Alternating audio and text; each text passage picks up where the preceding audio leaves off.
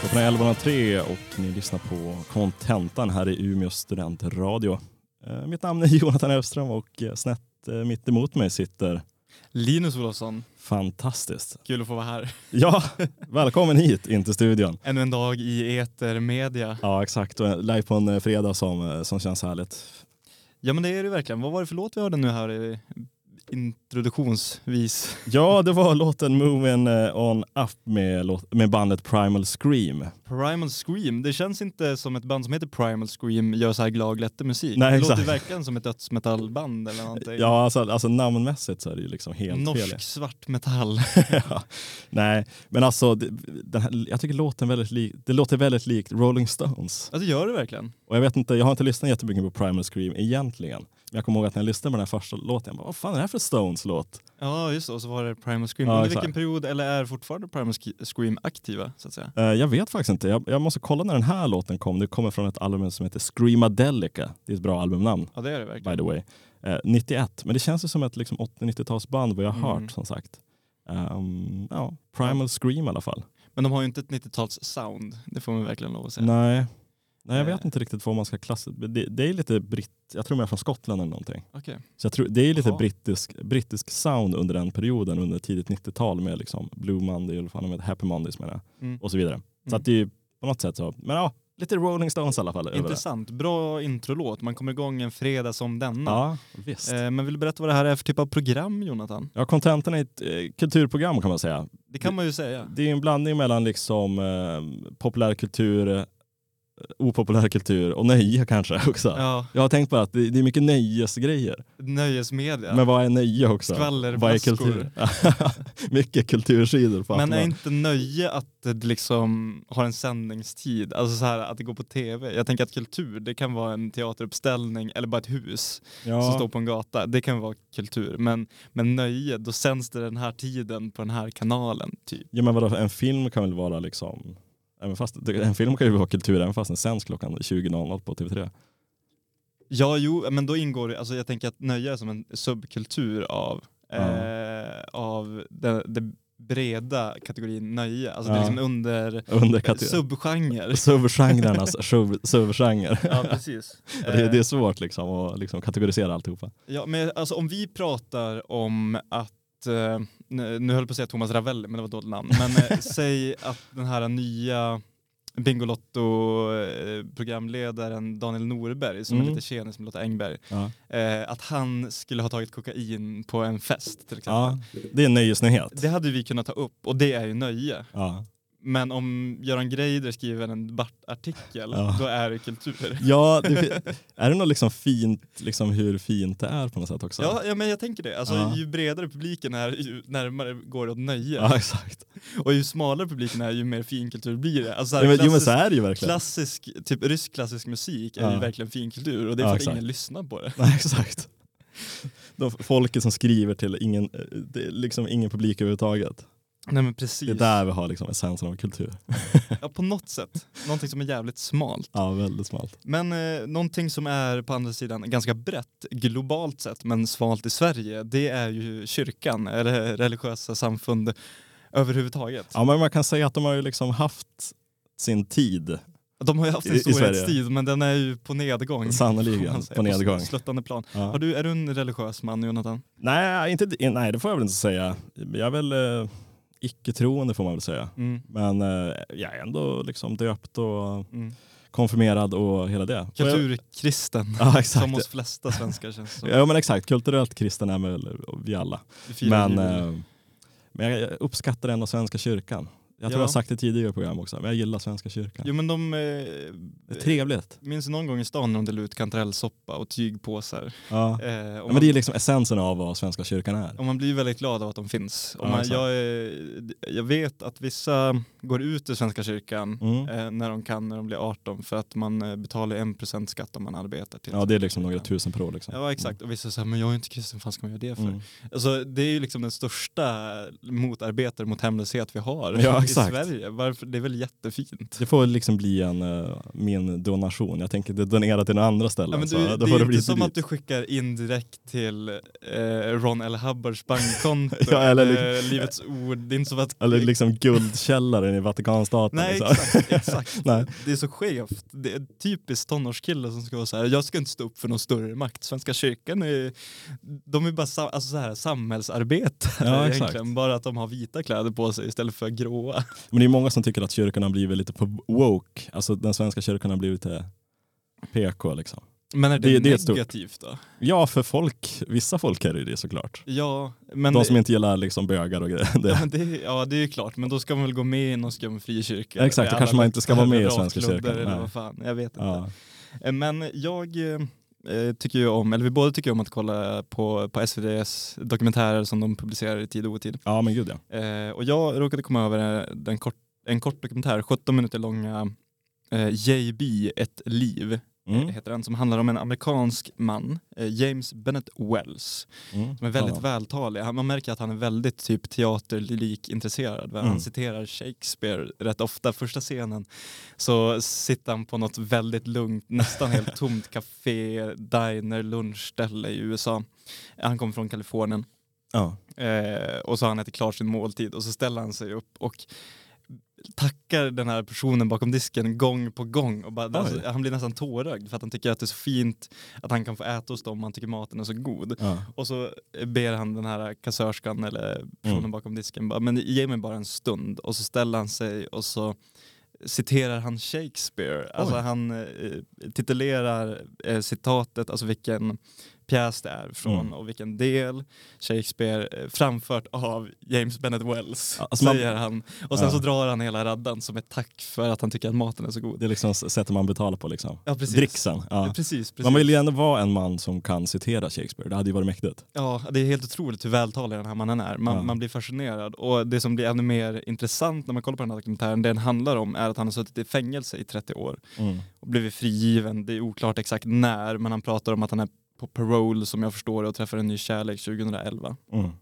Eh, och den handlar väl man kan tänka att när det, när det är en sån dokumentär, någon som har suttit i fängelse stor del av sitt liv, att de kommer tillbaka och bara oj, nu har allt det här tekniska skett, jag förstår mig inte på samhället. Men den handlar bara om hur han har sonat sitt straff och hans resa som människa. Okej. Eh, kan man säga. Han, eh, han eh, säger vid ett tillfälle att han, eh, han hade en jobbig barndom och han tyckte om att testa saker och folk med, han hade en dålig styvfarsa och att Mm. eh, folk med, med den typen av uppväxt aldrig kommer få bra förutsättningar i livet och att man på ett eller annat sätt till slut hamnar i fängelset. Mm. Eh, men han säger också att eh, han var lite sugen på att testa och att han, det var någonting han inte hade gjort förut, att det kändes som en intressant upplevelse. Vad vill han testa? Så då? Fängelset. Jaha okej. Ja, men det, Eh. som sagt det har jag ju gått igenom tidigare att man vill... Ja, pojkdrömmen, Pojkdrömmen att sitta i fängelse. Exakt. eh, och jag tycker vi ska ta först och lyssna lite på hur han ser på den här eh, perioden i sitt liv och det som då kallas av staten som straff. Eh, så här kommer ett kort utdrag ur dokumentären JB ett liv. I think of it as an old friend, a friend that was benevolent, that was uh, instructive, um, nurturing, developing, and rehabilitating. I don't look at it as a punishment. I look at it as one of the, one of the best things that uh, that happened to me, because it just it's, it's given me so much. I have a life today that I wouldn't have if it hadn't been for uh, for being incarcerated there. Just maybe this many bad things really happened during 30 years, and just I don't even have arms long enough to illustrate how many good things happened to me there. Eh, spontana tankar. Men han menar liksom att, att sitta i fängelse har varit den, liksom den, den bästa, det bästa som har hänt Mm. för honom. Mm. Eh, Han har liksom sonat sig själv, han har kunnat läsa mycket i Bibeln. Han har blivit, jag framkom väl inte exakt om han var religiös före eller efter, men Mm. som jag har tolkat det, och i USA är det ju kulturkristen en annan sak än att vara kulturkristen i Sverige. Eh, att han var religiös och tyckte om att läsa Bibeln men hade haft mycket mer tid att göra det när han suttit i fängelse och tänka över sitt liv och vad som har hänt och vad Mm. som är viktigt och hur Just man ska det. leva. Och han ser det som nästan en, eh, en blessing eller vad man ska säga. Mm. Eh, alltså på något sätt en, en gåva att han har fått genomgå den här processen i sitt liv. Mm. Eh, och jag tror att det är få personer som hamnar i fängelse som faktiskt ser straff, straffet som någonting positivt. Nej men så är det, men det låter nästan lite som att han har blivit munk på något sätt i, i fängelset. Visst. Att han har, liksom, han har gått in i sig själv liksom, och liksom bara arbetat med sig själv i 30 år. Liksom. Och det känns som att det här är ju kriminalvårdens våta dröm. Så, alltså ja, det känns som att ja, när verkligen. fängelset instiftades så Ja. var det här statens idé. Medan om man pratar med människor som har suttit fängelse både i Sverige och USA eller nästan var som helst Mm. så säger alla att man inte blir en bättre människa. Nej. Men kanske om man, om man på något sätt lyckas hitta ro i själen, så, som JB Ja. uppenbarligen har gjort, så går det. Men man måste ju vara en speciell typ av människa för att göra det. Ja, man måste vara acceptabel för förändring också. Vilket liksom, jag tror att många som kommer in i fängelse, nej, alltså, nu sitter man ju killgissar jävligt mycket Ja. kring fängelse och kriminalitet och liksom, kriminella personer. Men det känns ju som att man måste ju vara väldigt liksom, mottaglig för att förändra sig själv och liksom verkligen eh, gå in på djupet på sig själv om man liksom åker in i fängelset. Jag tror det är Mm. många som åker in i fängelset och är bara jävligt arga. Precis. Och liksom, de vill bara liksom slå tillbaka mot systemet och liksom mm. inte kanske göra någonting åt sig själva. Och sådär. Men jag, sen tror jag liksom problemet med USA är att hela, hela fängelseindustrin är ju liksom gjord liksom baserad på straffet och inte på rehabiliteringen i sig. Ja men precis. Jag tänker lite på den här um, David Dencik-serien, danska serien Huset som kom i förra året tror jag. Jag såg Mm. de två, tre avsnitt av den. Kollade du, du på den? Nej, jag, jag har inte sett den. Såg, jag såg dock eh, David Dencik i Lasermannen. ja. Vilken var otrolig. Jag har Den som är från Jag 90-talet. har tror inte jag. sett Lasermannen. Ja, otrolig. Sen är han ju med i Tinker Tailor Solid Spy som jag inte har sett men den skulle jag gärna Ja, jag tror jag såg den när den kom ut men det var ju ganska många år sedan. En Så jag, sevärd. jag kommer inte ihåg. Men jag tror den var bra. Ja. Men den här danska serien handlar ju, den följer ju en fängelsevakt på ett danskt fängelse och man kan väl säga att danska fängelser inte som Nej. svenska och norska fängelser. Nej, det kan man säga. De, de är lite grisiga, det kanske lite mer drar åt det amerikanska hållet så att Mm. säga. Och det blir väldigt tydligt att den här fångvaktaren eh, hade lika gärna kunnat vara bakom galler och det känns som att de, eh, de som sitter i fängelset har Mm. en väldigt eh, negativ syn på fångvårdarna om att de är grisar och att Ja. de är det värsta som kan Mm. möjligen tänkas. Och det Mm. känns som att fångvakterna har samma syn på de intagna, att det blir en sorts vi mot dem-känsla, att de hatar varandra. Och det kanske är den bilden man får, speciellt när man kollar på sådana amerikanska fängelseserier. Mm. Och där blir det så tydligt att det, det som kallas straff är ett straff och att det inte blir någon form av rehabilitering. Nej, exakt. Nej, exakt. Eh, jag, jag såg någon svensk serie där eh, amerikaner, först de började på ett amerikanskt fängelse. Är det när liksom fångvakter får komma över till Sverige och försöka implementera de svenska idéerna i ett amerikanskt Eller om det är? Norge, jag minns Ja, det är det kanske är Norge i Ja, för precis. Och där var det- och så får de lära sig och det är som Ja. att de blir helt mållösa. Men de kommer ju också till den de mest liksom, liberala och mest öppna jävla anstalten som fanns. Liksom. Jo, och sen är väl Sverige och Norge de mest humana fängelserna i världen Ja, exakt. nästan. Men sen tycker jag det, det gäller ju att ha en, en jämnvikt. Det kan inte vara för mycket lallall och Nej. liksom, eh, liksom, eh, vad fan ska man säga, sommarkollo. Precis. Och det kan inte vara för mycket liksom, sitta bakom galler och käka vatten och bröd. Utan det måste ju vara slags, ett slags mellanting. Liksom det, man ska inte bara hamna, det ska ju fortfarande vara ett straff men det ska ju Precis. fortfarande vara rehabilitering i sig. Ja, men, eh, om, om man är villig att försöka bli en bättre människa i fängelset så Mm. borde man i alla fall få förutsättningarna för det. Exakt, jo Alltså, det tycker jag. Leva hygieniskt, Ja. kanske ha, få något extra timme jobb, alltså så här, integrera sig i samhället även fast man liksom genomgår sitt straff. ja, terapi och så vidare. Och så Precis, vidare. Mm. det är ju något som saknas i stora delar i det amerikanska Mm. eh, fängelsesystemet. Men eh, J- James Bennett Wells har ju Mm. uppenbarligen hittat ett sätt i sig själv att, eh, att få rehabilitering. Han har vänt sig till Gud. Ja, bland annat, sätt. men också bara en, djupt filosofisk man. Ja. eh, En tänkande person. Men hur kom han dit från första början? Han var liksom en, en, en troublemaker. Men sen ändrade han sig i fängelset. han, han, eh, jag tycker han verkar som en ganska vis och klok man, men nu ser man ju bara hur han var efteråt. Men han beskriver sig själv som, han hade en alkoholiserad far, Mm. eh, styv far som man fick veta senare i livet, Mm. som gjorde att han inte hade någon självkänsla och därav kanske var en person som gjorde dumma saker. Just det. Ja. Eh, anledningen att han hamnade i fängelset framkommer i slutet av dokumentären men det kommer jag eh, Inte spoila. hålla på Ja, om man skulle vara intresserad. För det, Den är ju bara 17 minuter också så att jag Ja. tycker alla kan se den. det, det tycker jag alla ska göra Mm. och alltså det är bland det, det känslosammaste jag har blivit av eh, liksom ett medial- medialt verk som är 17 minuter. Måste Mm. man säga. Otroligt fint klippt. Mm. Eh, faktiskt. Men eh, vi kanske ska ta och lyssna på lite musik på temat. Ja. För han eh, avsitter ju sitt straff på fängelset eh, San Quentin Mm. i Kalifornien. Legendariskt fängelse får man ändå säga. Men det får man ju verkligen lov att säga. Ja. Och eh, ingen mindre än Johnny Cash har ju en låt uppkallad efter fängelset San Quentin som han dessutom sjöng på sin liveplatta inspelad på San Quentin. Exakt. Så jag tycker att vi tar och lyssnar på den och så kan vi tänka på James Bennett Wells som lever någonstans ute i USA fri och förmodligen lycklig.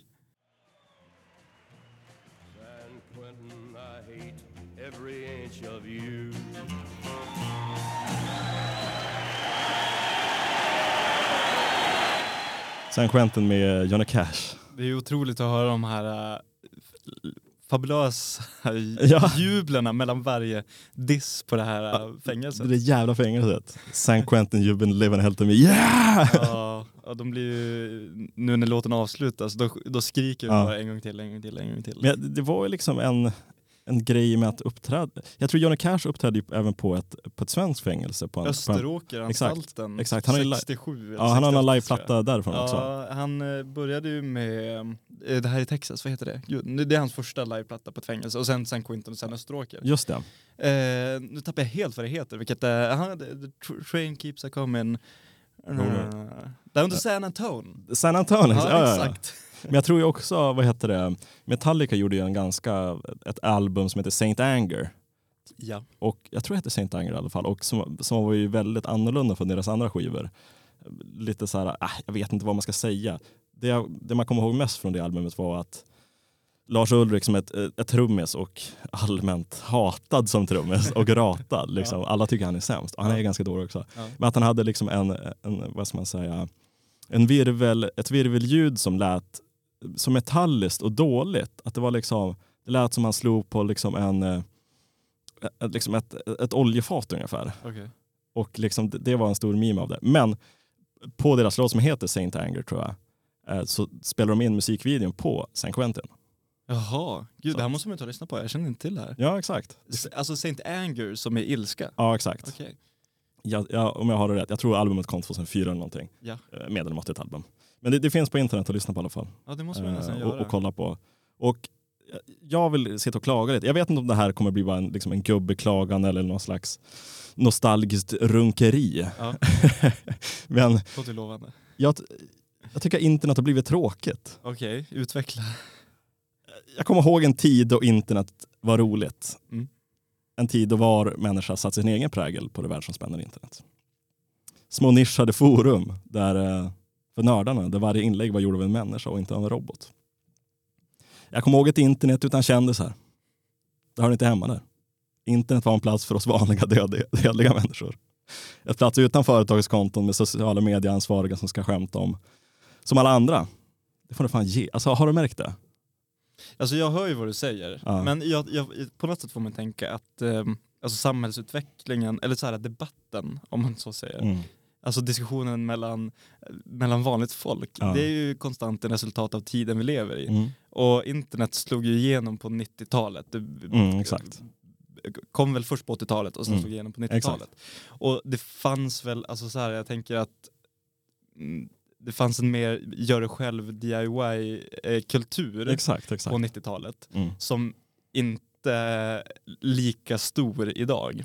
Men känner du igen det här med liksom att eh, företagskonton på sociala medier ska försöka vara roliga och försöka, försöka vara personliga på något sätt? Mm, ja, alltså jag tror jag förstår vad du menar. Alltså, eh, alltså typ så här Dyngbaggegalan existens, den typen av content. Nej, alltså det, det är ju liksom content-konton. Men jag Ja. tänker liksom så här Polarbröd har ett, Jaha, du menar så. Konton, alltså de ska- storföretag. Exakt, ja. de ska Mm. försöka vara roliga och försöka liksom vara en del av oss vanliga på något sätt. Ja, men det här är ju ett resultat av att storföretag blir Exakt. större. Ja. Alltså så är det Ja. koncerner. Och så måste man nå ut till den breda massan och Mm. nu finns den breda massan inte på torget utan på eh, Instagram eller X. Exakt, och jag tror som sagt det finns någon slags nostalgi kring, kring att internet var lite mer wild west. Mm.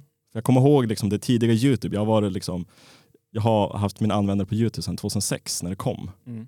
Och liksom, jag kommer ihåg liksom att Youtube var, ett- liksom, det var ett ställe som verkligen drevs av liksom passion och inte pengarna. Mm. Att liksom det fanns människor som hade en idé kring någonting. De riggade upp en kamera och liksom körde på. Ja, Det fanns den här DIY-känslan. Inte för att, liksom, att de ville bli kända eller sådär.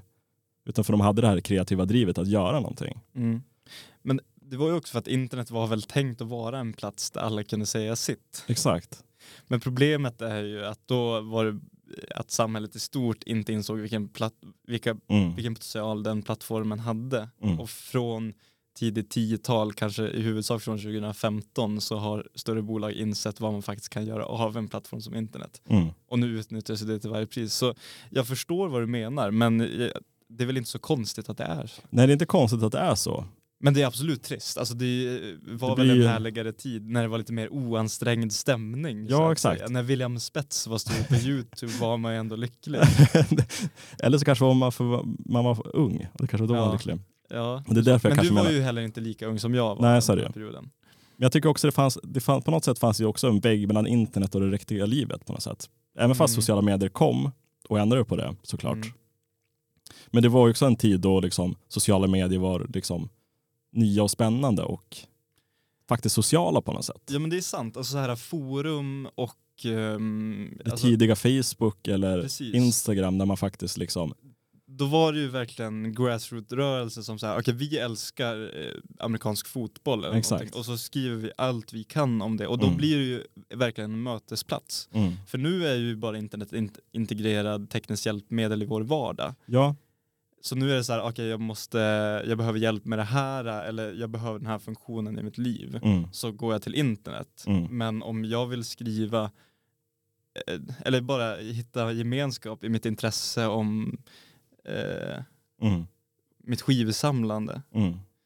För liksom vad, det var ju också en annan del med det här med liksom att surfa på nätet. Så att säga. ja, precis. Liksom det fanns ju en tid där man verkligen, man, ja, man verkligen surfade runt på nätet.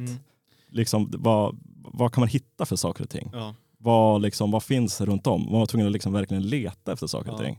ja, det gör man ju inte alls idag, det är jävligt sant. Nej exakt, nu för tiden letar man ju liksom, man blir matad Mm. liksom vad, vad man ska se. Nu, det låter också jävligt Men gubbigt. det är faktiskt jävligt sant, det har jag inte tänkt på. Att det fanns en eh, liksom, utforskaranda Exakt. i början av internet som har gått förlorad på något sätt. Ja exakt, för nu, nu är alltså, jag hittade, det, det fanns något citat liksom, som var på engelska, men liksom så här, välkommen till internet, där det finns fem hemsidor och det är endast ett ändlöst scrollande av screenshots från de andra fyra.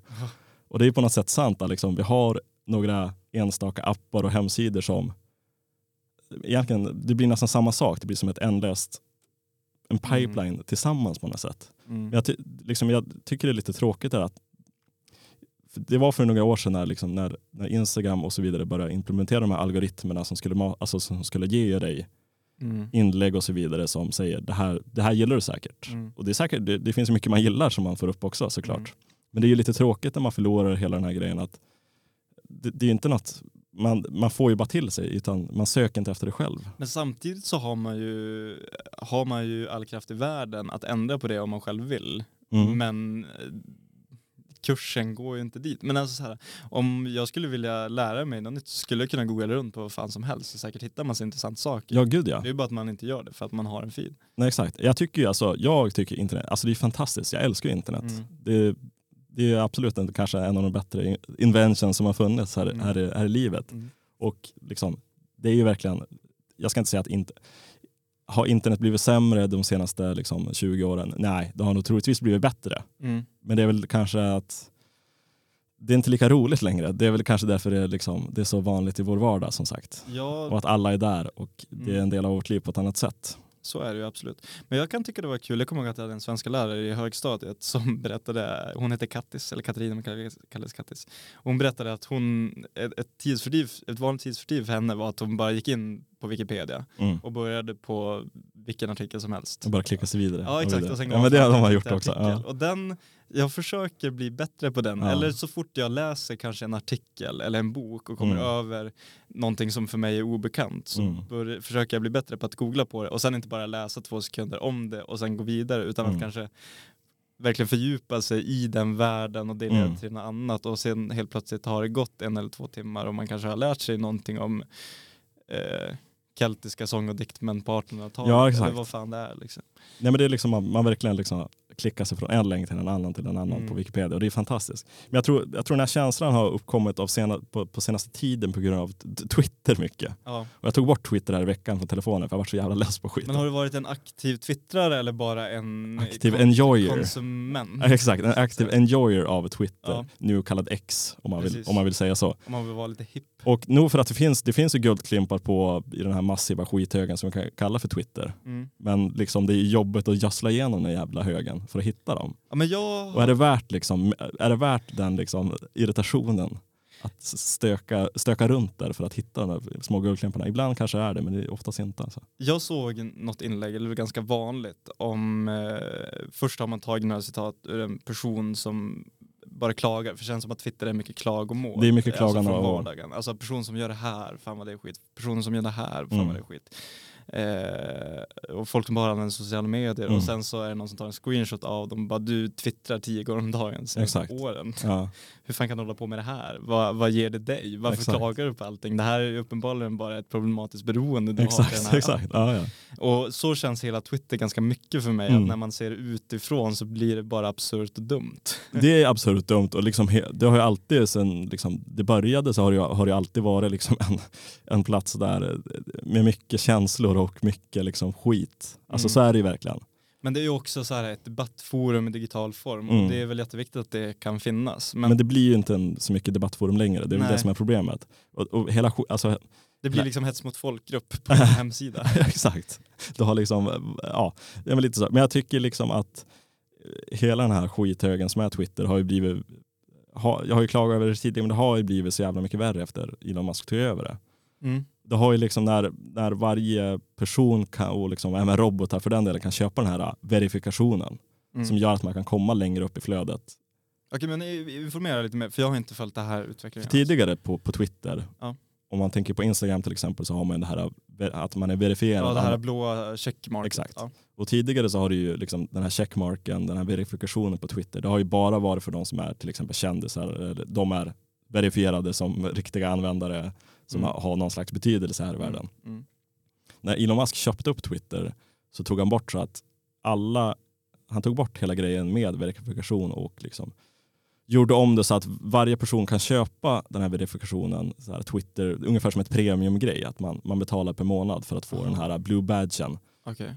Vad det också gör är att man kommer längre upp i flödet och man kommer längst upp i kommentarerna. Men kan man betala, finns det olika prisklasser? Nej det tror jag inte. Utan det är bara om man betalar? Exakt. Ja, Och problemet här, som jag har blivit så jävla arg på, det är när man liksom får upp en, en video eller något inlägg på, på Twitter och man vill Mm. liksom läsa kommentarerna. För oftast på internet så är det kommentarerna som är roligast på något sätt. Ja, gud vad härligt. Och vad är det som dyker upp Och då där? ser man bara de verifierade, Verifierade och-. Och vilka är det som oftast är verifierade? Jo men det är de här liksom högerextrema, det är Ja. de här bottarna som bara spottar ut liksom. Ibland så kan man se en video där det handlar om, jag vet inte, det handlar om hjortar som springer över vägen. Ja. Och då, bara, då är det massa jävla bottar som bara dyker upp eh, under kommentarerna Ja. och liksom repostar andra videos om hjortar eller djur eller vad fan det som låter helst. helt fruktansvärt. Och det, det finns ju som sagt ingen diskussion längre. Alltså man Nej. måste scrolla så evigt länge för att komma ner till de riktiga människor som faktiskt kommenterar. Jättedeppigt låter det här. Men eh, du har alltså tagit bort, du nämnde tidigare innan vi spelade in att du hade tagit bort TikTok också. Ja, så du har tagit bort Twitter och TikTok i Ja. veckan, eller? Ja exakt. Ja. Jag det, tror jag, hur, är, hur kommer det här sig? nej, men jag tror jag bara liksom tappar det lite på något sätt. Ja. ja men det är väl förmodligen positivt. Men kan samtidigt är det ju liksom, jag älskar ju båda plattformarna på ett sätt. Mm. För att jag får så mycket nöje och jag får så mycket info och jag liksom, Mm. så mycket av det jag pratar om i det här programmet kommer från ja, internet. så är det. Men samtidigt är det ju, Man tappar ju som en del av kulturen när man inte är där. men jag känner, jag har ju tog bort Instagram för någon månad sedan tror jag. Jag Mm. vet inte. Och jag känner ingen avsaknad överhuvudtaget. Nej, men du har ju aldrig varit en sån person heller. Nej, kanske sätt. inte på det sättet att Nej. jag är jätteinsatt i diskussionerna ändå som Nej. förs på de digitala plattformarna. Men jag känner, mig, jag, jag känner mig inte som att jag har huvudet i molnen och missar en hel diskurs i samhället. Mm. Även om jag kanske gör det på något plan. Mm. Men det är som en så... Men alla diskurser kanske man inte behöver vara en del av heller. Nej, och veta om. när det är som en smal subgenre eller bara en internet, alltså var finns behovet för mig som Mm. person i mitt liv att ta del av det här? Eller som min plats och funktion i samhället? Mm. Är det här någonting jag behöver? Jag Mm. vet inte. Nej, för hela den här Twitter-grejen och det här med liksom bottarna som försöker reposta videos och grejer. Det är ju det är ett sätt för dem att tjäna pengar för att Elon Musk har ju även infört att liksom man, man kan tjäna pengar på, på viewsen som man får in på sina konton. Okej. Så Som troligtvis, de flesta sociala medier exakt, men det, så har aldrig Twitter varit tidigare i alla fall. Nej. Men det är väl pengarna som är det stora problemet. Vi, liksom, vi sitter ju i händerna på liksom, stora företag och liksom, Mm. pengar och algoritmer. Det är ju pengarna som styr i slutändan. Ja så är det. Och folk slutar titta, på tv och kolla på sociala medier. Då Mm. kommer pengarna gå dit. Det är ju inte så konstigt egentligen. När jag väl och, och gnäller om internet och pengar i alla fall som sagt. Vad sa du? När jag väl är igång och för att gnälla om internet och pengar. Jag har du mer att gnälla på? Jag tänkte bara, det här är en, liksom en liksom spaning som jag har tänkt på ibland. Ibland så dyker liksom vissa bilder upp eller liksom videos upp på sociala medier och liksom med folk som gör någonting. Det kan ju vara liksom någon som har stickat någonting, någon som målar, någon som fotograferar, någon som gör ett kreativt arbete. Den här killen som sjöng och joddlade i en uh, supermarket. Ja, men, eh, Jo-. Ja men kanske det, kanske det. Eh, Kanske inte exakt det. men i alla fall vad som helst. Det är, någon, det är någon som har gjort något kreativt med sin hobby egentligen. Ja. Du målar ju till exempel. Mm. Och då är det oftast folk, liksom, när de lägger upp det på sociala medier, det kan vara Instagram eller vad som helst.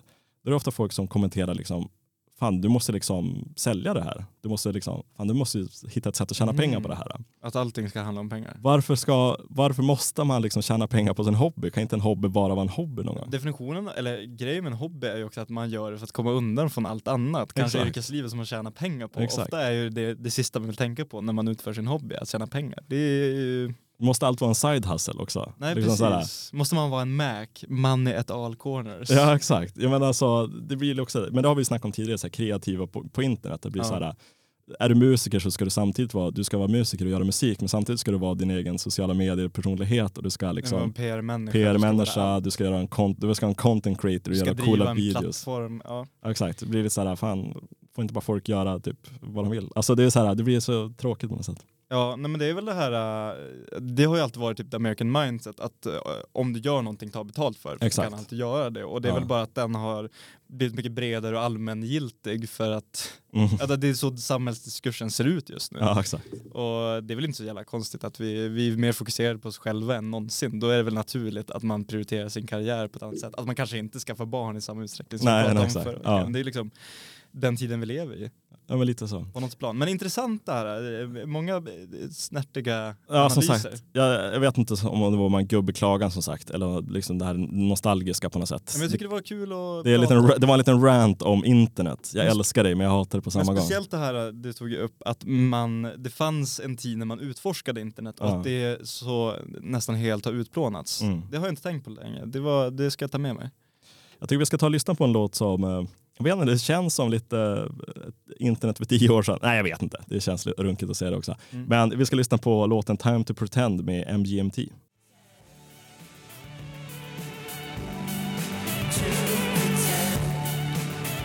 Time to pretend med MGMT. Det är verkligen en sån här låt man har hört jättemånga gånger. Jag tror aldrig själv jag har liksom sökt upp den och på den. Men man bara går direkt till film. Det känns som att man har hört Ja, den så, så- många verk. Liksom. Ja, vi sa, ju- jag sa att det känns som en, eh, vad sa jag att det hette? Coming of an age, Coming of an eh, age-film, låt, liksom. verkligen. 500 days of summer vibb. Det känns liksom eh, tonårligt. Ja precis. Men Och vi, positiv. Ah, men den är inte, jag tror inte den är liksom, rent lyrikmässigt den är inte så positiv. nej, men det är inte ren lycka. Men det är väl också så här att Coming of an age är inte ren lycka. Nej, men det det är absolut. kanske en, en, ett förlösande liksom, tidsålder att ja, vara i. ja, och man får större förståelse vilket kan bidra till att man blir gladare. Men Mm, kanske ja, också deppigare i perioder. Mm.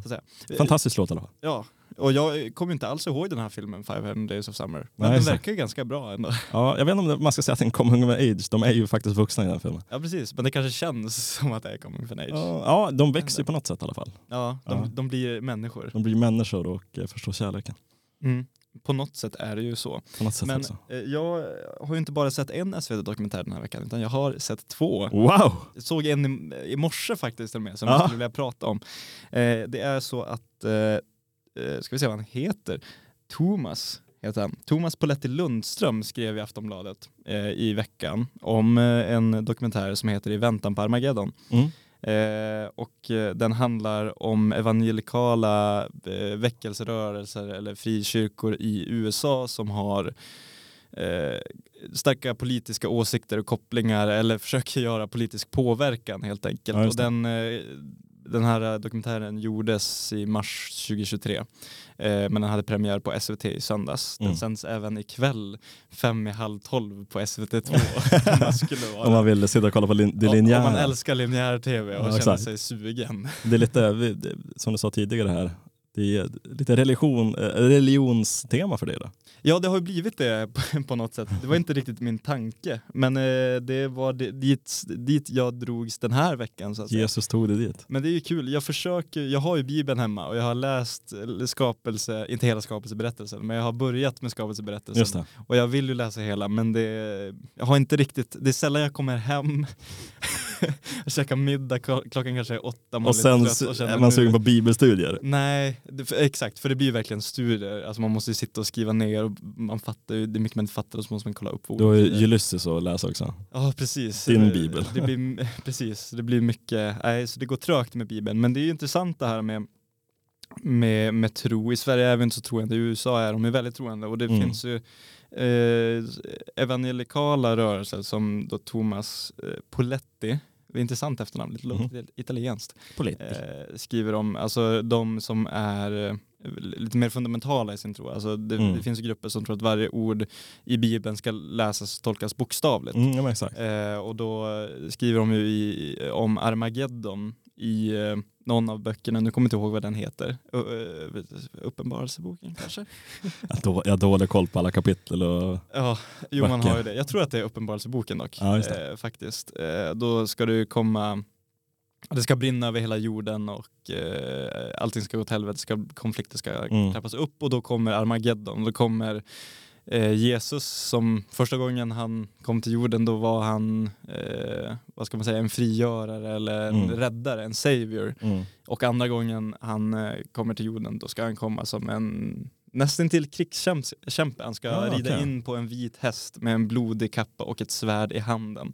Mättad Eh, alltså. och han ska skona dem som då följer hans tro och resten ska straffas. Just. Eh, och eh, jag vet inte om du har sett filmen This is the end, dålig släckerkomedi. Ja, just det. Med Seth Rogen. Det är så många liksom, eh, kändisar med i den filmen. Ja, den som spelar sig själv också. Ja, exakt. Eh, hon som spelar Hermione Granger, vad heter nu hon? hon Emma spelar, Watson. Ja, hon spelar sig själv i den filmen och byter sig ut ur det här huset med en yxa för att hon tror att Ja, just det. det var väldigt länge sedan jag såg den Ja filmen. den är rolig, men eh, där är premissen att Armageddon kommer och den här fundamentala kristna amerikanska tron manifesteras i att de som är bra människor eh, liksom inkapslas, inkapslas i Mm. en, vad man ska säga, ljusstråle och förs upp i himlen och får komma ja. till himmelriket. Mm.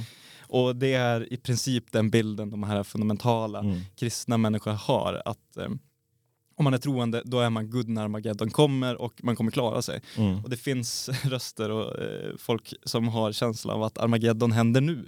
Ja, just det. Eh, Ja. delvis, det finns en, eh, en eh, man, amerikansk man som är liksom huvudet för den här rörelsen som talar mycket i stora rum för människor. Det är så oroväckande att se dem som Ja, det är liksom- mänskligheten. I USA så finns det ju de här liksom, megachurches Ja som är så otroligt stora och det är Exakt. så en otrolig liksom, Ja.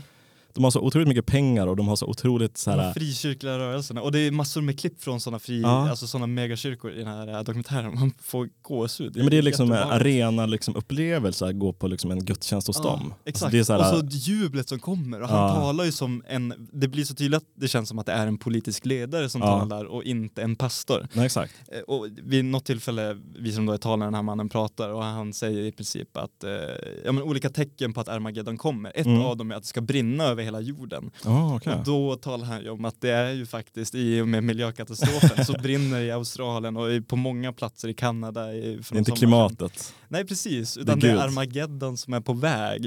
eh, kriskonflikter över hela världen. Det är mycket som trappas upp. Ja, Det är i princip tecken på Armageddon. just det, okej. Och eh, det här blir ju som eh, bokstavligt talat bränsle för de här frikyrkliga rörelserna. Ja. För de, de, deras premiss är egentligen men kom till oss så kommer du klara dig undan det här. Mm. Och för dem är det ju någonting positivt att, att Armageddon kommer. För det Mm. betyder ju att de kommer klara sig. Mm. Eh, och utan att gå in för mycket i rådande läge, men då ska ju Armageddon komma när judarna får tillbaka sitt heliga land. Aha, okej. Så det blir en infekterad politisk situation mellan USA och Israel Mm. eh, som Poletti nämner lite i den här artikeln. Jag tänker att jag ska läsa det, hans eh, inledning till den här artikeln eh, Mm. som handlar om dokumentären och svenska väckelserörelser. Och vad, vem har skrivit den artikeln och vad finns den? Thomas Poletti Lundström. Aha, jag tror det var han som hade gjort dokumentären. Nej, Okej. ja, det kanske var otydligt med. Det är en norsk dokumentär. Jag vet faktiskt inte vem, Nej. vad han heter som har gjort Det den. kan eller- det. Det, det kan man kolla upp om man kollar på Just den här dokumentären Play. Den här artikeln är publicerad på Aftonbladet. Ja. Eh, och Thomas är religions, eh, teolog, religionsforskare på Mm. Uppsala universitet. Jag. Eh, han skriver så här. Det har gått drygt tre år sedan stormningen av den amerikanska kongressen. I den norska dokumentären I väntan på Armageddon från 2023, som hade premiär på SVT Play i söndags, skildras hur en betydande del av den upprörda folkmassan utgjordes av evangelikala. Eh, denna grupps idéer finns även i Sverige idag inom den väckelsekristna rörelsen. Ett par månader före stormningen skrev jag på Aftonbladets kultursidor om hur tankegods som figurerat hos Donald Trumps evangelikala supportrar i USA också finns representerat i vissa, vissa svenska sammanhang. Som exempel lyfte jag bland annat en konspirationsteoretisk eh, ledartext i den väckelsekristna dagstidningen Världen idag som likt eh, MAGA-republikanerna ifrågasätter valresultatets legitimitet. Mm. Eh, och sen så är det fler paralleller mellan de här eh, högerradikala amerikanska organisationerna och att det faktiskt finns liknande frikyrkliga organisationer i Sverige som, Mm. Som också drar sig åt det konservativa hållet. Och Mm. eh, jag vill väl inte diskutera sakfrågor men det känns alltid lite oroväckande när man blandar religion och politik. Det är det ju verkligen, så är det ju. Eh, och ju liksom extremare det är, då vet man att människorna som är delaktiga här, eh, ju, ju, ju, des, ju mer desperat man är, ju mer villiga är man att gå till extrema Mm, liksom, mm. nödlägen. Och det, nu tror jag, jag har svårt att se att det här skulle vara en folkrörelse som får fäste i, i Nordeuropa överhuvudtaget. Mm, mm. Men det är intressant att se att det finns en rörelse överhuvudtaget. Eh, och eh, när man ser klipp från Amerika, där är ju religionen och kristendomen så integrerat i samhället att det är en naturlig del av Mm. politiken. Jo men det är ju Eh. på det sättet. Men samtidigt har de att de har det här separation from church and state på något sätt också.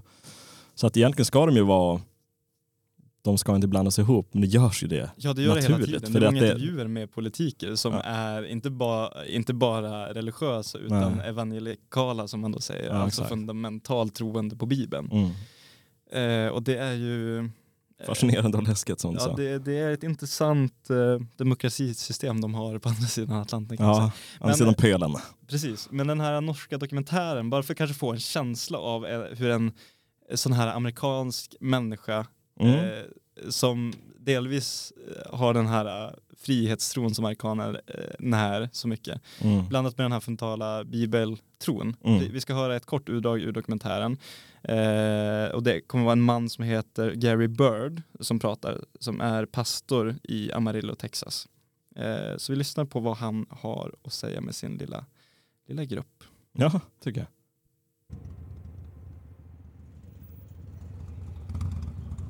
I'm going to talk about war.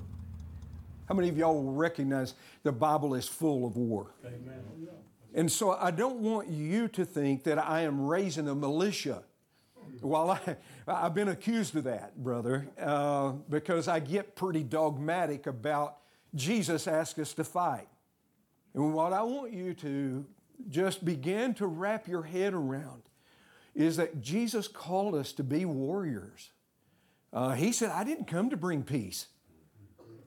He said, I didn't come to bring peace. I come to bring war. How many of y'all remember the scripture in Luke, the sixth chapter, where it said, If somebody does evil to you, turn the other cheek? But see, there is another scripture that we forget to tie to all of that, and that's Luke 22. Jesus, he said, times are a changing. And he said, Do you have a sword? Well, Master, we don't sword. He said, Yeah, if you don't have a sword, go sell your coat and buy one because the time's coming you're going to need a sword. Ja. Sådär. Amen.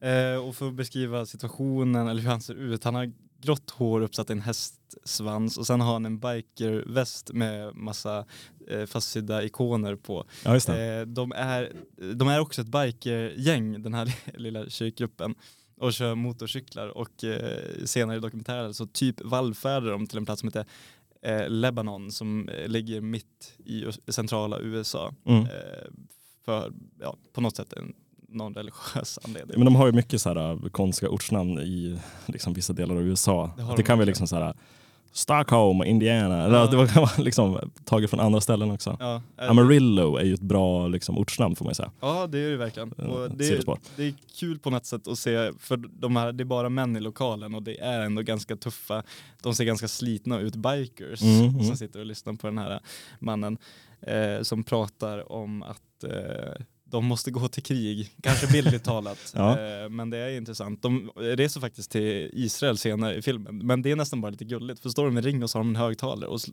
lyssnar de på någon amerikansk låt som jag inte kommer ihåg exakt vad den heter. Men Mm. typ God bless America, we are so free. Alltså så här, Ja, verkligen så. Så Stereotypiskt Står, ja, amerikanskt exakt. Kristet. står de i en ring och lyssnar på den låten i Israel. Och Ja, pinsamt.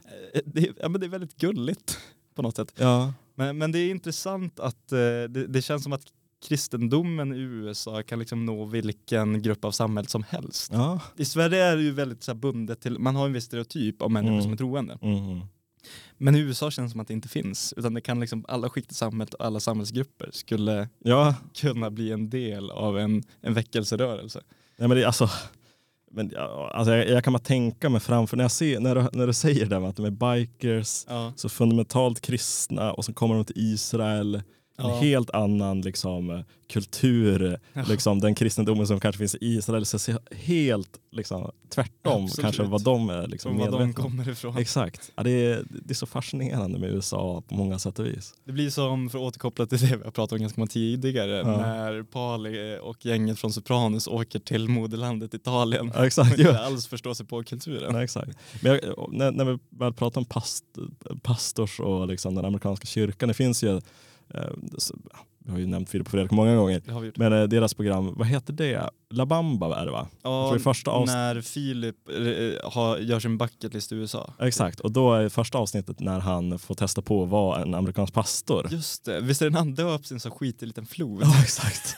Han döps i en skitliten f- flod och sådär. Och han får testa på att vara pastor i den här, att det kanske är en sån här baptistkyrka Ja, eller sånt där. Mm. Och den här liksom karismatiska Afroamerikanska man ja, som pastorn som har lära sig av. Ja, och han är liksom ledare i den där kyrkan och liksom alla ser som upp till honom och liksom tvättar hans fötter. Och Ja, liksom det finns en sån här slags det, det känns så främmande när man jämför med den svenska kyrkan som är så jäkla jämlik och liksom Ja. gulligull på något sätt. Men det är ju, eh, jag vet inte, de, det, är någon, alltså det blir ju mer sektigt. Ja, det blir det. Alltså det blir ju gemenskapen och så lyckorus. Och de, Mm. de liksom drar ur allt från det kyrkliga för att väcka Mm. den gemenskapskänslan. Mm, Och det kanske mm. man är lite försiktigare med i USA. Men Mm. det finns ju en mormonkyrka även i Sverige. Alltså det finns väl, och Livets Ord hade ju sitt, Mm. sitt race. Men det får man säga. Men det, det har ju aldrig riktigt slagit rot som det har gjort i USA i Sverige. Nej, det har inte det. Men jag tror också att eftersom USA är ju så pass nytt land och det är ett land med så många olika kulturer så Mm. det är ett land som liksom är gjort av invandrare så att säga. Mm. Då finns det ju någon slags det, det finns inte samma liksom, långa kultur av liksom, kanske en statlig kyrka till exempel. Mm. Och det är också ett land som är, USA är ett land med flera länder i sig kan man nästan säga Mm. på något sätt. För varje stat, och liksom, det är ett så stort land, varje stat är sin egen, liksom, bestämmer lite över sig själva. Det finns liksom, åker man till, eh, liksom, eh, jag vet inte, om man åker man till Florida så är det en slags kultur kanske, men åker man till New York så är det en annan. Mm. Och det finns så många olika invandrargrupper grupper i olika områden som har tagit med sig sin religion. Det blir som ett jävla mischmasch av alltihopa och, och så mycket nytt också. Att man får göra lite vad fan man vill. Så är det ju verkligen. Och jag tänker om, vi, om man återkopplar till JB som vi lyssnade till tidigare, där religionen i hans liv var något Mm, väldigt fint. exakt. Och när man kollar på den här dokumentären, Mm. oavsett var man står innan, så kan man få en bild av religion som inte är så uppmuntrande. Exakt. Eh, och jag, jag tänker att eh, som JB, om man hade ett fruktansvärt uppväxt och kanske en farsa som alkoholiserad och Mm. inte tog hand om en så bra. Exakt. Hela USA mår dåligt, alltså de är ju lönnfeta. Det är inte konstigt att en stor del av befolkningen i USA inte mår bra. Då Nej. är det ju inte jättekonstigt att så många vänder sig till Bibeln för upprättelse och glädje och lycka i livet. Mm. Och det är ju inte nödvändigtvis någonting negativt. Men det blir ju när det är eh, organiserat och det finns en scen som jag tycker är väldigt obehaglig i den här serien, när, som vi beskriver den här eh, kyrkliga andan som kan uppstå i amerikanska frikyrkor. Mm. Och så är det fem till sju barn som står på en scen och pratar i mikrofon och de är kanske sju, åtta år gamla och pratar om Israelkonflikten och Oj. deras religiösa tro. Och de pratar, de är jättevältaliga och det känns som att de är vuxna människor som diskuterar den här frågan. Ja. Det är fan bland det obehagligaste jag har sett. Och det är någonting när små barn blir vuxna så tidigt och bildar sig liksom en, en världsomfattning som är Mm. så allvarlig och religiös från så Mm. tidig ålder. Det tror jag inte är hälsosamt, även om religion kan vara jättevackert och Mm. positivt för väldigt många människor. Mm. Eh, men, men nu har det varit mycket snack som kanske inte är så uppmuntrande, så vi, vi kanske ska ta och lyssna på lite musik Ja, det kan vi göra. för, för att avsluta. Om inte du har någonting du vill tillägga om det här med kyrkan. Har du varit i kyrkan någon gång? Ja, men det är klart jag var i kyrkan. Har du varit på en gudstjänst? Eh, jo, men det har jag varit. Så Ja. jag, jag har konfirmerat mig. Ja, ja, just det, du har Så konfirmerat. att, eh, jag har varit där. Mm. Men som sagt, eh, ja. Nej, men jag tycker det är ganska, som sagt, det är ganska mysigt. Alltså Mm. det är så här, gå på gudstjänst, det är ganska trevligt. Jag var på min första gudstjänst i vinter faktiskt. Du var det? På, I Strömbäck under en eh, marknad så hade de eh, gudstjänst och så Okej. gick vi på den. Ja. Det var väldigt trevligt, hon var jätterolig, Ja. alltså, eh, prästen. Ja men de är ju så, det, det, det, får man inte glömma med präster, att det, det blir ju nästan, de, de står ju där uppe på, på en scen varje, liksom, varje Precis, vecka. det blir ju så teatraliskt. de, de har ju vanan att stå på scen och de gör Mm. det oftast jäkligt bra. Ja, de gör ju det. Och det, om, om man tänker att, så, att det bara är så i Sverige, Ja. om man då tar USA som är liksom ett land som är beroende av liksom scen och underhållning. Ja, alltså det, blir, det är inte konstigt att det är upphöjt till 10. Nej exakt, så är det verkligen. Så är det verkligen. Ja, men eh, en passande låt på temat är ju Take Me To Church med Hosier.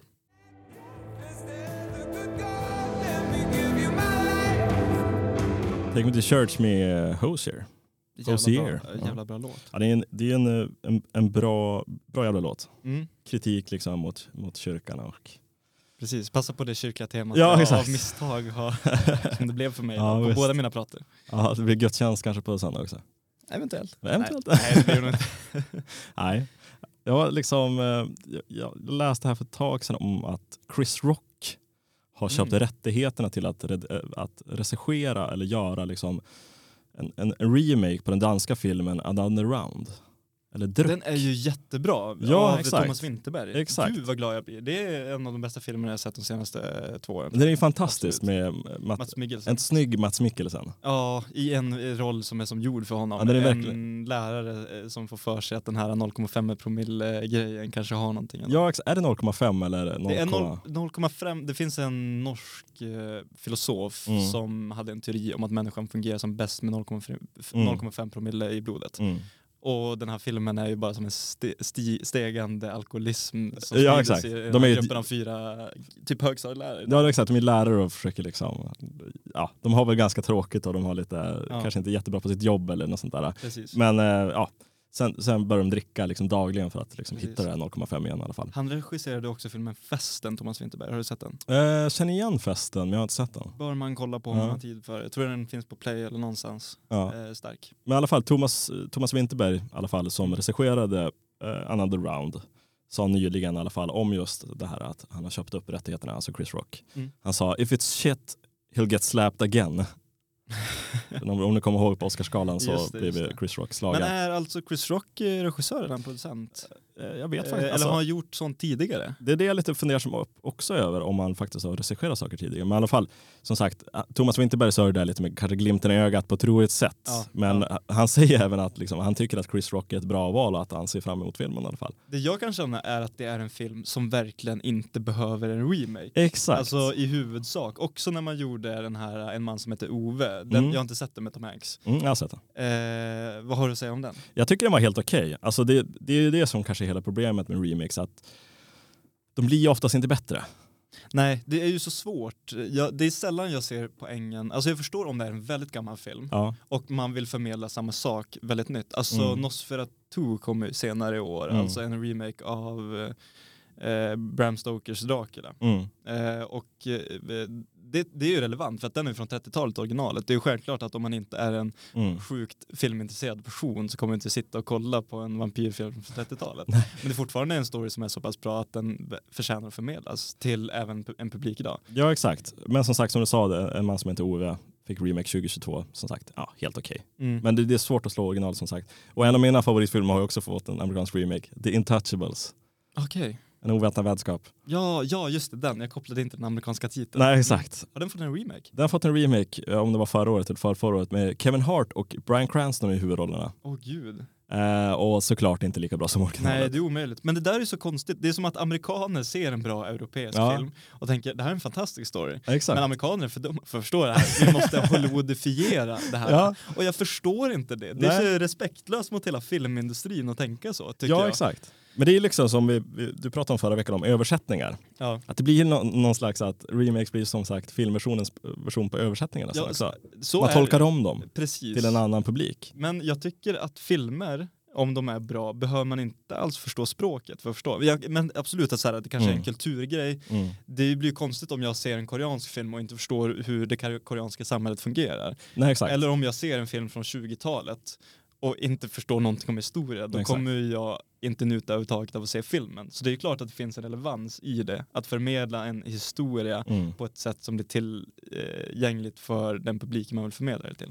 Ja exakt, men som sagt det verkar vara en liten, liten trend över att liksom att USA tar, eller Hollywood vad man ska säga, tar, Mm. köper in liksom historier från andra länder och liksom filmer som har gått jävligt bra i andra länder Mm. på andra språk och Mm. liksom gör en remake, amerikansk remake på dem i alla fall. Mm. Och jag förstår att man gör det i USA för Mm. att resten av världen är tvungen att lära sig engelska som andra språk och Mm. anpassa sig till den amerikanska kulturen för Mm. att de är så världsledande i samhällsutvecklingen. Men är det, något på, är det på något sätt att liksom USA och amerikaner inte kan ta åt sig liksom filmer på andra språk på något sätt? Ja, ja, ja, men jag menar det i och med att de flesta i världen lär sig engelska som andra språk Mm. och genom det måste du förstå det på den engelska. Jag menar i engelska från eh, lågstadiet har vi i Sverige fått lära oss om brittisk och amerikansk kultur för Mm, att vi ska exakt. förstå språket. Ja. Om du är amerikan då har du inget behov överhuvudtaget att lära dig ett annat språk om du inte råkar ha påbrå från ett annat Nej land. exakt. Eh, och då finns det liksom ingen poäng för dig att lära dig någonting annat än engelska och då är du genom det väldigt införstådd i den amerikanska kulturen. De kan inte sluta om att prata om sina inbördeskrig men om Nej. du pratar om en amerikan om ett land som har en situation utanför den amerikanska kontinenten kommer det se ut Mm. som ett frågetecken om de inte är jättepolitiskt intresserade. Så jag menar, det är klart att de nog har en ganska stor brist i, i sitt till, tillgänglighet av populärkultur från andra länder. Har du sett filmen, eh, har du sett filmen The, The, The, The Departed? Ja det är klart, med Jack Nicholson. Gud, Det, det är en remake. Är det? Av vad för film? Det är tydligen en remake på en Hongkong-rulle som heter Eternal Affairs från 2002. Då måste man ju titta på The Eternal Affairs. Och det är ändå ganska sjukt. Alltså, Eh, För det är ju en ändå, kanske inte favoritfilm, men en av de bättre filmerna det är ju en sett. fantastisk film. Och det är Vad ju, sa- Vad sa du att den eh, original- Internal Affairs 2002. Och det är ändå en film som har liksom är otroligt hyllad och är ju fantastisk och har ju vunnit, vann ju flera Oscars också. Ja, det gjorde det. Jag hade ingen aning om Nej, jag hade ingen aning heller att det var en remake. Men det finns också bra remakes. Mm, Det är klart att det gör det. Och jag har, egentligen har jag inget problem att göra remake så länge man gör det på ett bra sätt. Ja men hur, alltså om man tar Top Gun, nu vet jag inte om man kallar det uppföljare eller remake, men de har ju basically gjort den A6-filmen på 80-talet fast 2022. Ja exakt, liksom en, en modern version. Liksom. Ja precis, och den tyckte jag var pissbra. Mm. Och den fick ju ganska bra kritik, så det, det är klart att det finns jättebra remakes. Men vi kan ju, om vi går vidare på ett liksom bra exempel på remakes. Vi kan gå över på tv-serier till exempel. Där har vi ju det här klassiska exemplet med The Office. Precis, brittiska och amerikanska. Ja exakt, och den, den britt, många kan ju tycka att den brittiska versionen är ju bättre. Mm. Men det är ju klart att den amerikanska har slått hårdare. Ja, Så är det ju. så är det Och då är ju, där är det ju en intressant grej. Mm. För att nu har inte jag sett någon av dem, Nej.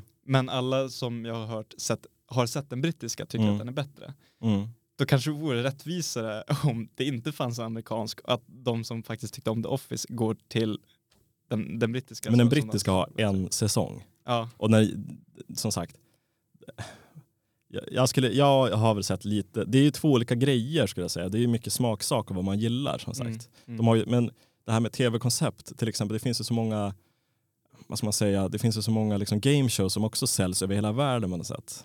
Mm, ja, Alltså men- de här ja, Jeopardy precis. har, finns i alla Det- länder och så vidare. Så att, jag vet inte riktigt, jag tror det är mer smaksak vad man gillar och sådär. Men även House of Cards är också en remake. Ja, vadå? Av, det började som en brittisk miniserie 1990 i fyra delar. Ja, okej. Den är ganska bra faktiskt, rekommenderar att Den se. brittiska miniserien. Ja, exakt. Vad heter den då? Den heter också House of, House of Cards heter den bara, och där man följer liksom en, en konservativ, eller jag tror han är ja, notory politiker som försöker ta makten och så vidare. Och så vidare. Visst är det Kevin Spacey som spelar den amerikanska exakt. versionen? Jag har inte sett, är den, är den bra? Den Jag har, jag har sett lite grann av den, jag tror jag, jag började för massor av år sedan och såg liksom de första säsongerna. Omtalad i alla fall. Omtalad och hyllad och Mm. var väl en av de första liksom, Netflix, en av de första serierna som Netflix gjorde på egen hand tror jag. Jaha, jag visste inte att det var. Netflix-produktion överhuvudtaget. Nej det är en Netflix Ja, produktion. kul. Men det är lite som sagt remakes, jag vet inte vad man egentligen ska tycka om dem. Det finns bra, det finns dåliga, det finns vissa filmer man kanske bör göra remakes på. Jag tänker liksom gamla filmer, Mm. liksom 30-tal, 40-tal, 50-tal. Verkligen. Där absolut, där man kanske inte har någon slags, folk har inte samma koppling till filmerna. Men jag, jag, jag tror så här, jag tror att det nästan alltid kan finnas en anledning till att göra en remake av en film. Mm. Det är bara att man måste göra det med värdigheten Mm, mm. och respekten till originalfilmen. Och hur mycket ska det liksom vara en remake? Ska man ta bara liksom Ska man ta hela idén och liksom bara översätta den till ett annat språk och liksom sätta det i ett annat kontext som kanske passar USA? Eller ska Mm. man liksom ta bara kanske små idéer från den här filmen och göra någonting helt annat? Det är också Mm. det. Ja, Liksom, det finns ju många olika sätt att göra det på också. men det är ju regissörens vision. Ja. Alltså, det, det är ju verkligen beroende på. Men det finns ju alltså, eh, varianter av det du beskriver, Mm. av liksom bo, båda olika. Antingen att man bara gör exakt samma film i Mm. modernare version eller att man baserar någonting på den här filmen Mm, och gör exakt. en egen spin-off. Och det finns ju bra och dåliga exempel av båda. Mm. Så jag, jag tror det viktiga är att man gör en seriös produktion. Ja exakt, men, men som sagt det första tanken när jag såg, liksom, läste om att, liksom, vad heter han nu igen? att Chris Rock hade köpt rättigheterna till, till just uh, Another Round var ju liksom så här, vad fan. Men det är ju konstigt för att jag, om man ah, tänker på hans mediala framträdande, det är ju jättebra stand-up komedi. Mm. Eh, och en stand-up-komiker känns ju inte som den personen som ska regissera eller möjligtvis producera, det kan jag förstå. Men, men det är ju så skilt verk att göra en, en eh, mörk dansk rulle om alkade lärare. Alltså så här, Ja, jag, det är så långt ifrån hans skrå så att säga. Jo, det är lite som jag, vet, jag måste nästan kolla upp här nu om han faktiskt har regisserat och gjort saker tidigare. Han kanske mycket väl har gjort det men man är bara liksom så dålig på att ehm, Men det var ju någon film jag såg nyligt som Brad Pitt producerade. Alltså det, det finns, vi kanske kommer till där de skådespelarna som var vana att se på duken faktiskt börjar vara mer i Mm. större del av produktionen av filmer. mm. Eh, och som man, som man kanske inte reflekterar över.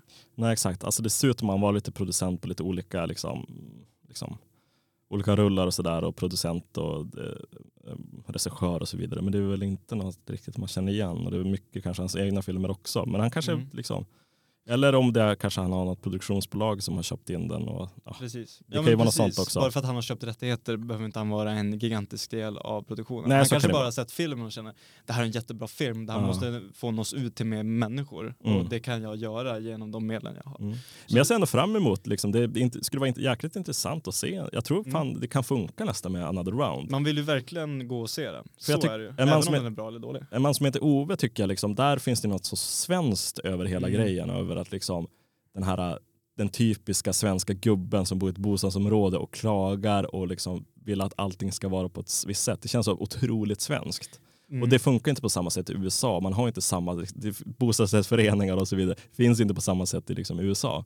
Men jag tror det där är liksom en grej med alla översättningar och remakes överhuvudtaget. Mm. Alltså om man är väldigt införstådd, om man har sett den här koreanska filmen The Departed är Mm. baserad på och sen ser den amerikanska filmen Departed, Mm. då kommer man nog känna det här är ett förlöjligande av den film jag älskar för att man förstår den filmen fullt ut. Men om Men- vi tänker på Another Round, den är inte speciellt dansk. Alltså det, är inte, det finns något det finns ingen danskhet över hela filmen på något sätt. Nej, nej men så är det. Ja, men Alkohol tänk, finns ju jag liksom tänker det här exemplet med en man som heter Ove, Ja. att vi förstår det svenska så pass bra för att vi är svenskar. Ja. Därför kommer nog, även om hur många remakes som än görs, Mm. kommer vi aldrig se den som likvärdig med originalet. Nej, så kan det absolut Men vara. för en amerikan så kan det vara jättevärt att ta del av den berättelsen Mm. på ett sätt som de förstår och då se en remake istället för originalet. För att Mm. de kanske blir liksom lite enlightened av storyn och Mm. kan liksom bättre se den i, i sin närvaro. Mm. Så jag menar det finns en poäng med översättningen. Ja exakt. Och En annan, liksom, om vi väl går vidare på, på trender inom filmer och sådär så har det ju har det varit en del liksom, musikbiopics de senaste åren. Vi har ju som sagt Elvis, vi har ju den Queen-filmen. Elton gjorde de ju Exakt, Rocketman och så vidare. Och här på senaste har det kommit en, en film om Bob Marley.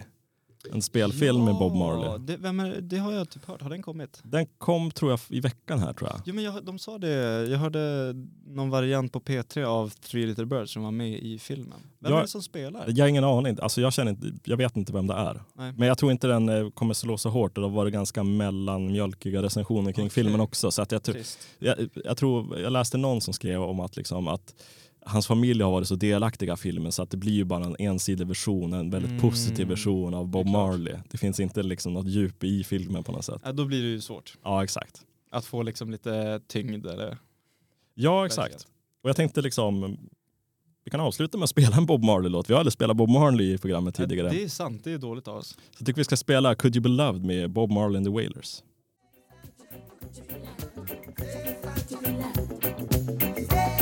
Could You Be Loved med Bob Marley and the Wailers. Could you be loved?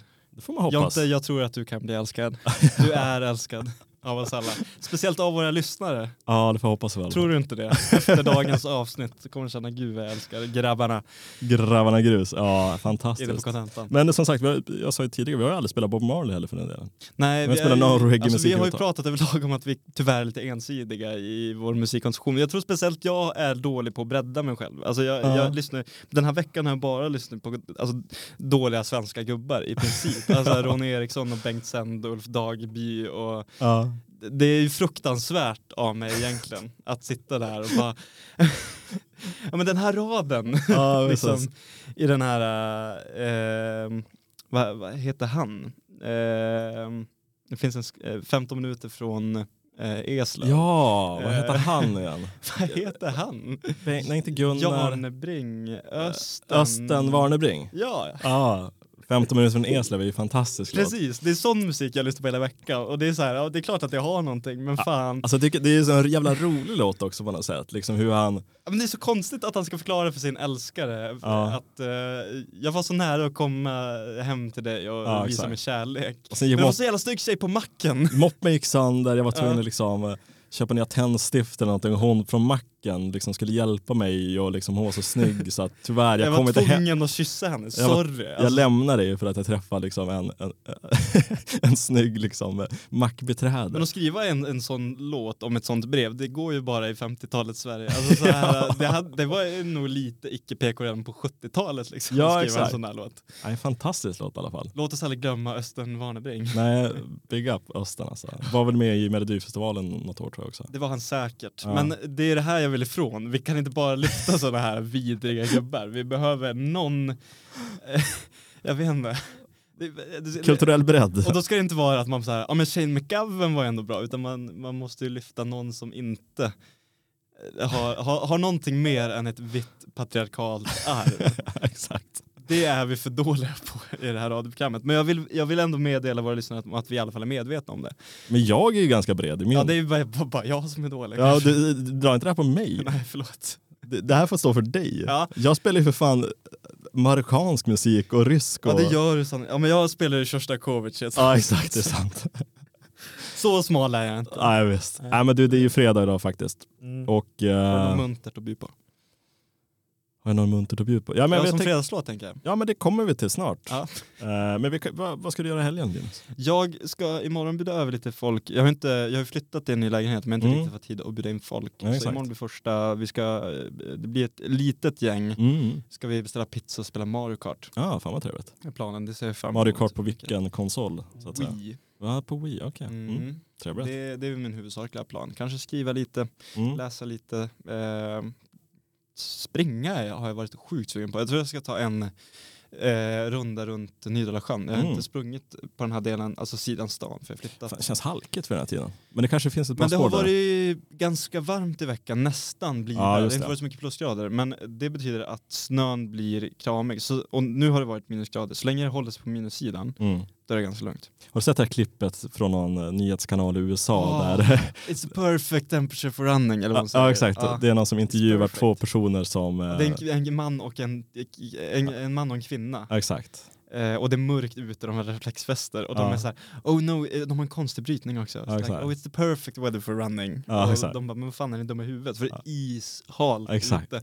Och sen i klippbilden de klarar med intervjun så filmar de och springer bort och så Ja, ser man hon halkar och slår sig rejält Ja det är så höften. illa. Oh, det ser så illa ut alltså. Fantastiskt såhär nyhetsbloopers. Ja verkligen. det är ju en sån grej internet är perfekt för. Alltså, nyhetsbloopers är ju bland det bästa Ja som gud finns. alltså. Ja, men det finns ju så otroligt mycket bloopers liksom. Ja, det- också det var- från filmer och serier. Men det, alltså, det känns som nyhetsblooper var så jäkla populärt under en viss, alltså Ja. för många år sedan. Alltså, ja, det, det, var är här, en egen subgenre. att det var liksom så, här, så jäkla populärt. Det var nästan som att det, liksom hela tv-program var bara nyhetsbloopers. Liksom. Ja. Alltså det var så otroligt Och stort. det är så jävla kul. Jag kommer ihåg att vi på, alltså när jag var ett barn, när jag var typ 5, 6, 7, 8, 9, Mm. eh, då hade vi en tradition att jag tror det gick på fredagar så gick America's Funniest Home Ja gud vad jag kollade på det. Ja. med Tom Bergeron. Mm. Och det var någonting, det var heligt i vårt hem och vi såg fram emot det. Vi Mm. köpte på kioskpiraten, eh, köpte, vi, köpte vi lösviktsgodis och Ja. så kollade vi, antingen så hyrde vi en DVD eller så kollade vi på America's Funniest Home Videos. Men det, Och det var ju så här YouTube-klipp innan YouTube var Ja, en stor grej. jo men det var ju verkligen, jag kommer ihåg att det där ofta brukar gå. Jag var på, brukade hänga mycket på ungdomsgård på Umedalen.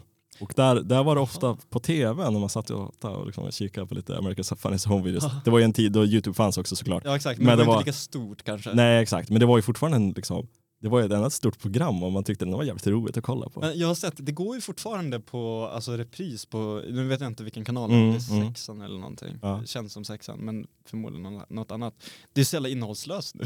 ja men det är ju det. sjukt. Bara, oj, kolla en ek- flygekorre som landar på fönsterblecket. Alltså det är sådana videos. Exakt. Typ. Eller så, oj, min katt ramlade. Det Men det var ju det som var roligt tidigare. Ja, men grejen är att det har ju man matats med under hela Exakt, 10-talet. ja. Så nu känns det så innehållslöst Ja. när det inte är en TikTok-video på sex sekunder som liksom analyserar kvinnors ställning i något jävla Ja. program. Alltså så här, Ja exakt. det känns så sjukt innehållslöst och det är så Ja. fascinerande att det var ett helt tv-program som gick i så många år.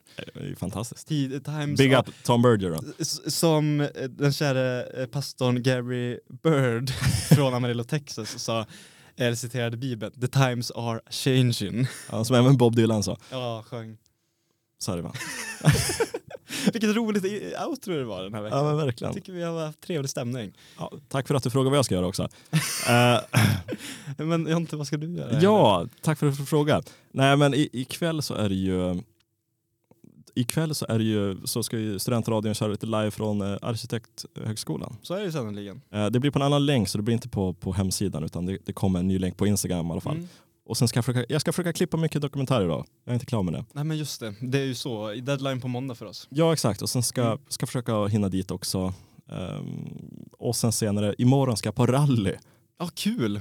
En, en polare har eh, liksom fått några biljetter från jobbet tror jag. Okej. Och så vi ska dit och kika lite rally. I Fan, vad skoj det Red låter. Barn Arena. Jag har inte varit på rally tidigare så det blir spännande Nej, jag har det. aldrig- heller aldrig varit sett. Men eh, då står man i, är det så att man står typ i en sväng och så sen ser man? Jag tror man kan, eller- man kan göra både det men man kan ju också stå liksom vid liksom de har något område som kallas Red Barn Arena eller sånt där. Där man Ja, kan men liksom köpa lite bärs och liksom ha det Just lite gött det, och sådär. det är lite festivalstämning. Ja men exakt, så att det blir ju där. Ja. Jag orkar inte stå liksom ute i skogen i liksom är en meters Vännäs. snö liksom, och, och kolla på rally. Så intresserad är jag inte för att Förstår kolla liksom, en liten sväng. Ja, men kul att faktiskt kolla på rallyt. Jag har inte heller varit och sett. Men något, någon gång vill man väl kanske göra det. Ja men exakt. Det är en stor händelse i, Boda, äh, i Umeå.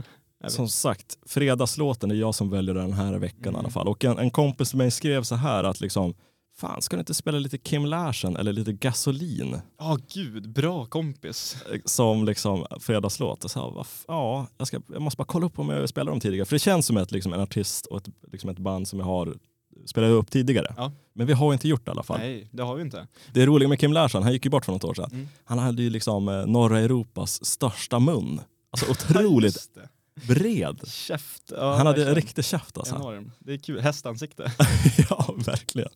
Vi ska, vi ska köra i alla fall en låt här som heter eh, Det bästa till mig och mina vänner med Gasolin i alla fall. Ja, låt oss. Det låter otroligt. Dansk tema på dig idag då, Ja, ja, får man nästan säga. ja det var sant! Thomas Winterberg och... Thomas Winterberg och Another Round och Gasolin. Ja. Och du hade religiöst tema då, så det är fantastiskt. Vilken, liksom, eh, vilket ihopsatt program. Det är sånt vi sprider kunskap om här i Contentan. Danmark och religion. Danmark. ja, men du, kul, att, eh, kul att sända idag i alla fall och tack för alla, till, er- till er alla som lyssnar. Ha en jättefin helg hörni. Ha det bra. Puss.